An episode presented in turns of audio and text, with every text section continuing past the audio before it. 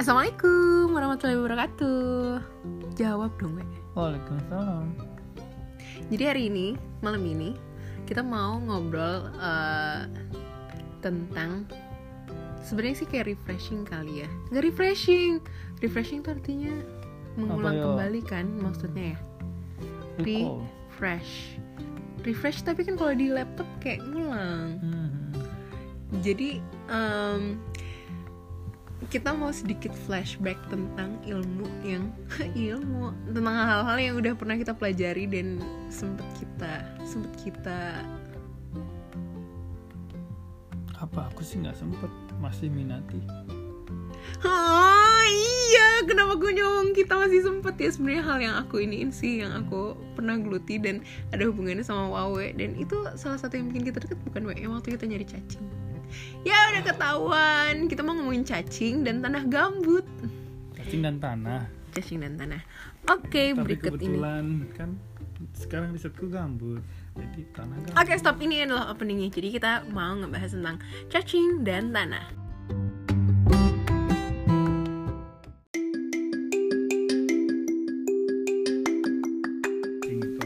perannya? Eh ini udah di record Oh udah. Iya jadi em, Sebenarnya eh, seperti niat awal podcast ini dibuat adalah Ini kayak tempat aku untuk menuangkan ide-ide atau apa pun yang ada di kepala. Dan aku sama sekali tidak ingin eh, hal-hal percacinganku tuh hilang. Sesungguhnya sih demikian. Tapi eh, karena sekian tahun belakangan ini aku tidak berkecimpung lagi sama cacing baik secara morfologi maupun secara molekuler apalagi molekuler. Dan aku cuman baca-baca dan itu pun aku nggak serius-serius amat bacanya. Jadi aku pengen kayak ilmu cacingku tetap ada gitu loh di aku gitu loh. Subhanallah ada azan Bisa dulu ya. Udah. ya isyanya terus kita pause. Ya Allah lucu banget Ya. gitu ya. Iya kayak gitu sebenarnya we jadi kamu tanya aku dong Ya, pancing kan- kan pancing itu. aku Ya oke lah mulai dari yang paling mudah untuk dijawab pasti ya. Apa yang kamu sukai dari cacing sehingga itu juga mendorong kamu untuk eh, ngambil topik itu ya walaupun sebenarnya di- diminta ya disuruh. diminta diminta Iya. banget Tapi kan setelah itu observasi cacing, bedah cacing dan lain-lain kan Itu menjadi menarik minat tersendiri. Kayak ada kepuasan setelah membedah cacing dari mikro mikro organ ya. Kalau bisa dibilang organ-organ kecilnya tuh bisa dilihat. gitu. yang nggak mikro sih mikro itu kan udah mili kes- eh nggak mikro tuh hitungannya Apa apa, ya bilangnya? Oke, makro kok itu masih ya makro masih tapi kecil lah. Organ kecil kan ribet sekali. ya ya kalau awalnya sih c ini kayak aku diwawancarain kayak kayak orang apa-apa. penting makasih loh. Ya jadi eh, jadi awalnya aku tuh ngadep sama bapak. Karena aku tertarik sama evolusi. Dia tuh dosen evolusi. Dan aku eh, tertarik banget buat belajar evolusi. Itu sih intinya yang pertama. Dan mempelajari evolusi ternyata paling eh, memungkinkan untuk sekarang adalah lewat molekular jenis sebenarnya nah terusnya Kan susah-susah dong apa tuh molekuler? molekuler itu pokoknya hal-hal yang berhubungan dengan molekul sebenarnya sih Hmm. sederhananya gitu hal-hal yang ya molekul kan ada banyak Terus apa Ya, itu jin? gene itu gen gen Hmm. tahu kan kita nggak usah bahas gen lah maksudnya Hmm. ngerti kan apa yang Ya dimaksud maksudnya kenapa molekuler, kenapa jin, terus kenapa cacing kan harus ada hubungannya biar kita ngerti. jadi eh, gen itu sederhananya adalah informasi yang terdapat pada semua makhluk hidup. Intinya itu. Jadi semua makhluk hidup itu sudah pasti punya informasi yang dibawa dari uh, orang tuanya yang mana orang tuanya membawa dari orang tuanya yang mana orang tuanya dari orang tuanya itu membawa dari orang tuanya dan seterusnya dan seterusnya sehingga uh, bisa di trace atau bisa dicari tahu uh, siapa sih ancestornya atau siapa sih uh, tetuanya dia? Dari berasal Nenek dari moyang. mana? Nenek moyang dan segala macam. Berasal dari mana dan segala macam. Dan itu kan nggak sebetulnya tidak sederhana ya karena pasti orang tua itu kan mating dan itu entah di mana bercampurnya dan seterusnya dan seterusnya. Itu sebabnya kenapa mempelajari evolusi atau mempelajari perubahan atau melihat timeline itu bisa dari gen atau dari informasi yang sebenarnya ada di dalam tubuh masing-masing makhluk hidup sederhananya gitu. Jadi awalnya aku tertarik sama evolusi. Terus pas aku ngadep sama pak dosen eh, evolusi pak saya pengen belajar tentang evolusi dan molekuler. Itu sesederhana, sesederhana itu aku ngadepnya. Terus kata dia hmm oke okay, bisa. Kamu takut nggak sama cacing? Enggak pak. Oke okay, cacing ya? Udah sesederhana itu. Oke okay, pak. Hmm. udah sesederhana kenapa, kenapa nggak takut sama cacing? Kan jijik berlendir nggak ada kulitnya. Ya sih uh, aku nggak ada afeksi apa pun. Afeksi. Aku nggak ada tendensi apa pun sebenarnya sama cacing. Maksudnya benci nggak suka banget juga nggak. Yang banyak kita sematkan tentang cacing itu sesuatu benci, banyaknya benci. yang jelek-jelek ya. Iya benci, tapi aku tuh terus setelah kemudian penyakit. Kan banyak sekali tuh. Enggak siapa sih yang ngerelasiin cacing sama penyakit? Oh ada kita sih cacing. aja kamu oh, ya.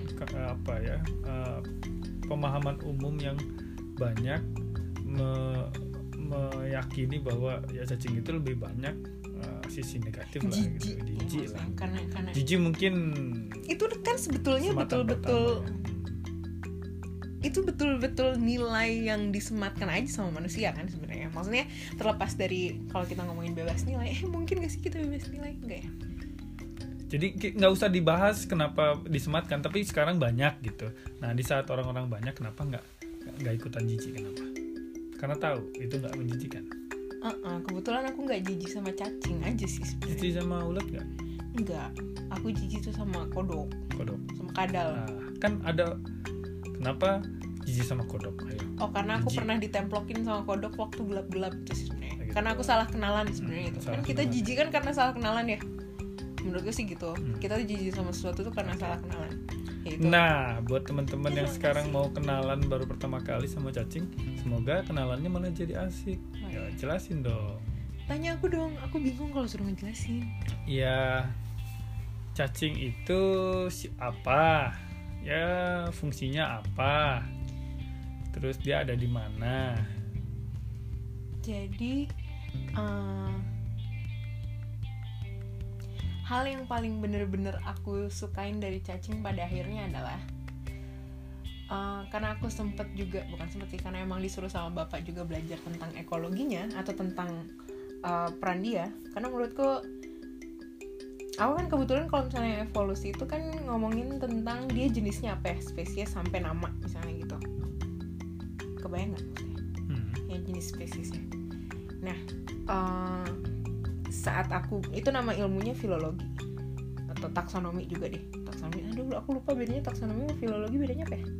Nggak usah dibahas aku aja. pokoknya intinya uh, aku lebih tertarik belajar peran makhluk hidup ketimbang penamaan. Karena kayak sesuatu tuh nggak punya nama sampai manusia namain. Dan itu kerjaannya taksonom yang dia tuh sampai ngebedain misalnya ada spesies ada sub sub sub sub subnya sampai orang-orang taksonomi ini ngebikin definisi sendiri uh, apa yang disebut spesies, apa yang disebut kriptik spesies dan seterusnya dan seterusnya. Nah, aku pribadi lebih suka um, belajar tentang peran.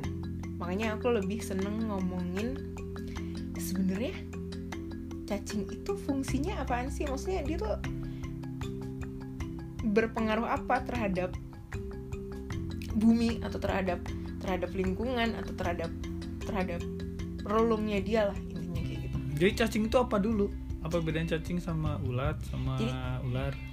uh, cacing ini dia film sendiri. Dia dari Kingdom Animalia dan filmnya adalah Annelida. Film itu di bawahnya Kingdom tuh ada film. Ya nah. ya kita kalau inget ada kerajaan hewan ya. Nah, ada kerajaan hewan terus ada sub-subnya mungkin ada divisi apa. Uh, uh, filmnya itu.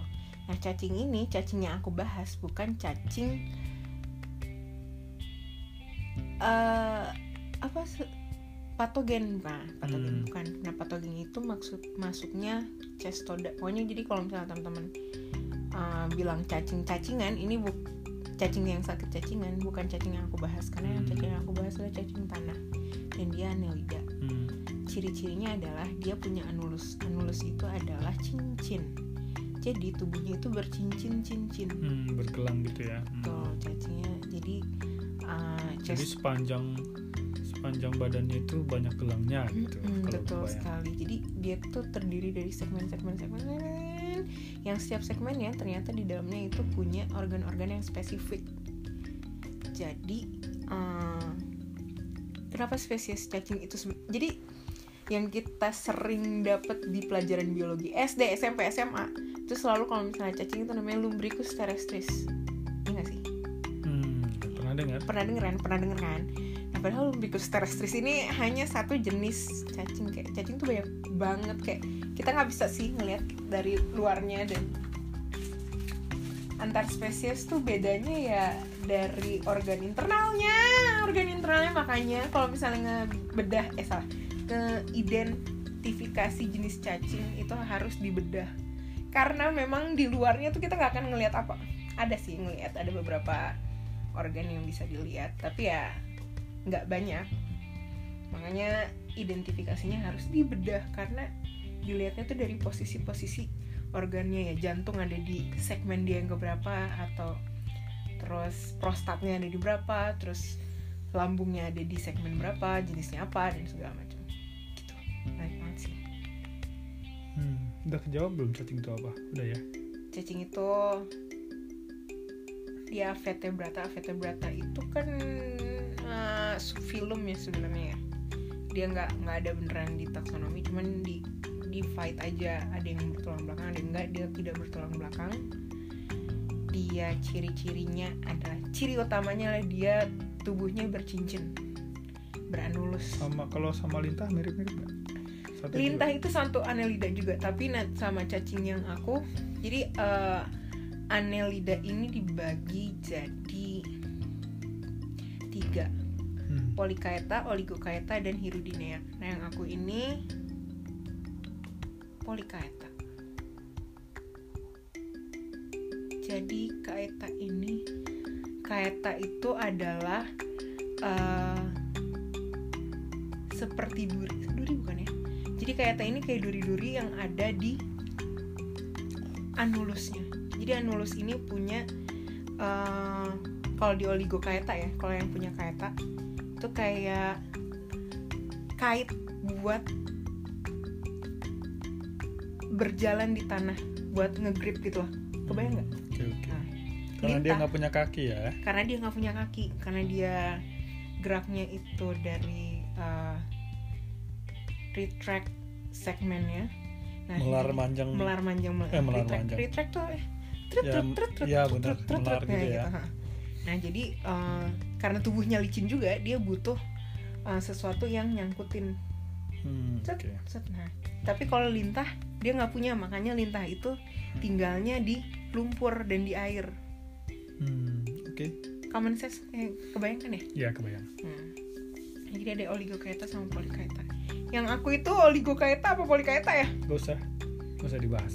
Oke, nggak penting ya. Nanti malah salah ngebahas. Iya, maafin deh. Eh kan itu fungsinya kita Iya. ngobrol kan ya. Tinggalnya di mana? Mostly di tanah. Tanah. Kenapa tinggal di tanah?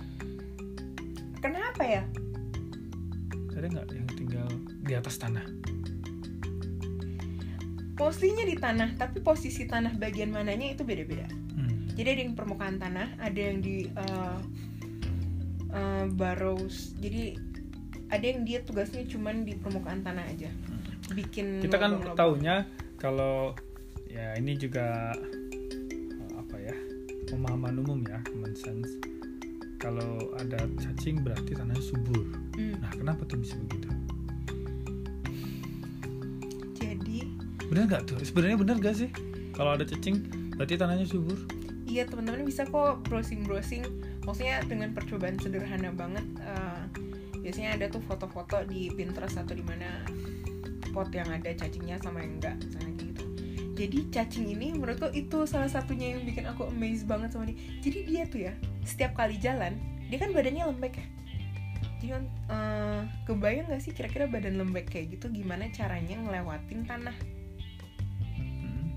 keras kan kita tuh kadang ngorek-ngorek tanah pakai jari aja Hmm. effortful banget kebayang nggak gimana caranya si cacing itu jalan Nggak tahu. menurutmu gimana Jadi itu melar manjang itu. Iya. Tapi gimana caranya dia nembus tanah? dimakan tanahnya ya. Sss, betul sekali. Jadi setiap tanah yang dilewatin itu ditelan sama dia. Hop, Hmm. hop, hop. Jadi kalau misalnya kalian ngelihat yang dibilang tai cacing, tai cacing, misalnya nih, teman-teman kalau misalnya sering lihat ada gundukan tanah yang bulat-bulat gitu ya bulat-bulat ke atas, nah itu sebenarnya tanah yang udah masuk ke dalam tubuhnya digestifnya cacing. yang dimakan apa ya tanah itu Jadi dia hanya menyerap nutrisi. Sebenarnya intinya makan kan nyerap nutrisi ya. Hmm. Nah, yang dikeluarin tuh mineral-mineral.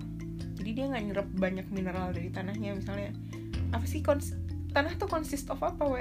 Nah, kamu lah yang lebih ngerti consist of apa. Enggak, berarti benar ya. Ada ada pemahaman umum yang bilang kalau tanah itu itu benar kalau dari segi cacing ternyata memang itu indikator dulu ya, indikator ya, Pertama ini pertanda. Kalau bahasannya mungkin kita cari nanti bahasannya. Kenapa bisa jadi indikator? pertama kalau aku bisa jawab satu sama indikator. Sebenarnya kalau misalnya ngomongin cacing, eh, kalau ada cacing tanahnya subur itu bisa eh cacing bisa jadi indikator tanah subur itu salah satunya mungkin karena cacing bisa hidup di tanah yang ramah buat dirinya Hmm. tahu gitu maksudnya nggak asem-asem banget atau eh, kira-kira ada tanah yang bisa dimakan atau misalnya ada nutrisinya entah itu em, karena dia Hmm. mostly nabati ya nggak dia nggak makan hewani maksudnya dia nggak makan bangke Hmm. jadi eh, extruded extruded dari hasil humus-humusan Hmm. atau hasil pelapukan-pelapukan yang terus ada di tanah itu dia ini Hmm, oke baru 15 menit. Kita kan di request nih. Gak boleh panjang-panjang. Oh, iya. Jadi ada ada eh, request ya Penuturannya kita kita singkat dulu ya. Kita sing persingkat, kita padatkan. Nah terakhir nih, eh, boleh nggak kalau kita ambil kesimpulan bahwa podcast yang sekarang ini bahas cacing, kita cari highlightnya adalah cacing itu makan jalannya biar bisa jalan. Kayak menarik deh. iya iya Jadi yang yang mungkin nggak kita tahu adalah itu. Jadi kayaknya menarik deh. Jadi teman-teman semua bawa cacing untuk jalan ternyata itu makan jalannya sendiri sehingga dia bisa lewat dengan tubuhnya yang lunak. Rasanya nggak mungkin kalau udah menerobos-nerobos bongkahan-bongkahan tanah yang iya keras. susah gitu. sekali Nah itu kenapa kita sering lihat ada lubang cacing terus kemudian ada butiran-butirannya. Dan itu merupakan sebenarnya jalannya dia dulu iya yang itu dibongkar. jalannya dia terus dia pindahin ke atas gitu Ah. Nah, mungkin satu pertanyaan lagi yang paling penting. Kenapa cacing ini menjadi penting untuk eh, proses ekologi? Kalau dilihat nih ya, Mm-mm. proses ekologi itu eh, apa ya? eh, menjelaskan proses-proses bagaimana eh, kehidupan itu bisa berjalan dari habitatnya ya, dari rumah kan ekologi itu, ilmu tentang rumahnya sendiri. Nah, nggak cuma buat cacing, buat makhluk hidup yang lain juga termasuk kita. Kita kan makhluk hidup. Kenapa fungsi cacing ini penting? Sebagai makhluk yang memakan jalannya sendiri. Bayangkan gini aja deh, dibalik bayangkan kalau nggak ada cacing, kira-kira dunia ini akan jadi apa ya? Em, kalau kita ngomongin common sense, kira-kira ap- tadi apa yang terjadi kalau misalnya Nggak ada cacing. bukan? Aku balik pertanyaan. Apa yang terjadi ketika cacing makan tanah yang ada di depannya? Tadi kamu udah tahu jawabannya. Ke mana ya? ke mana tanahnya? Di belakangnya, Nah, ke ke atas. atas. Hmm, Tanah dari mana yang ke atas? Jadi kalau jadi eh, statement ini ada di eh, Earthworm Ecology dan dikutip dari siapa? Bapak evolusi Darwin. hmm, Jadi sebenarnya cacing ini adalah sekop tanda petik alami hmm, tanah. bolak-balikin tanah ya. Iya, tapi Oh, oke. dengan jangka waktu yang sangat panjang. Jadi tapi aku ada ada ada ada ada ada jurnalnya berapa Hmm. lama eh, berapa lama tanah itu terus bergulir aku nggak tahu ya pentingnya apa kamu kayaknya lebih ngerti uh, apa pentingnya Hmm. uh, tanah itu dibolak-balik Oke, oke. yang dari bawah Ke sampai ke atas. atas tapi secara teknis seperti itu Hmm. rasanya nanti kamu yang bahas dari sisi Oke. pertanahan Jadi tadi kita udah dapet nih dua dua intisari ya. Pertama yang mungkin nggak pernah kita tahu bahwa cacing itu makan jalannya sendiri Hmm. untuk bisa berpindah atau untuk bisa hidup di dalam substrat tanah ya yes di bawah tanah karena dia nggak bisa jalan di atas tanah terlalu terlalu bahaya dan panas Iya. dan Iya, jadi pemangsa sensitif. juga dan sensitif makanya dia nggak punya kulit nggak punya skeleton kan nggak karena punya nggak butuh sih sebetulnya oke yang kedua Mhm. Fungsi cacing lagi salah satunya adalah untuk eh, penyeimbangan ya penyeimbang tanah ya atau proses lanjutan dari pengaduk tanah gitu. Makanya Eh, disebut belum dengan belum penyeimbang sebenarnya karena aku Belum belum, ya? sampai ke konklusi Oke. itu. Aku cuma ngasih tahu Pengaduk secara ya? teknis dia mengaduk. Oke. Oke itu dulu. Pengaduk sama pemakan jalan sendiri. Oke. Memakan jalannya sehi- Ya. sendiri sehingga dia bisa mengaduk. Oke. Selanjutnya nanti kita bahas tentang tanah itu sendiri dan nanti kita singgung lagi tentang cacing. Oke. Ih seru banget. Terima kasih loh udah nanyain aku. Kayak aku tuh ngerasa ilmuku buat apa? Oh iya lupa. Terima kasih. Wawe. Kamu gak makasih ke aku? makasih. Yuk kita lanjut ke yang konten kedua. Kali ini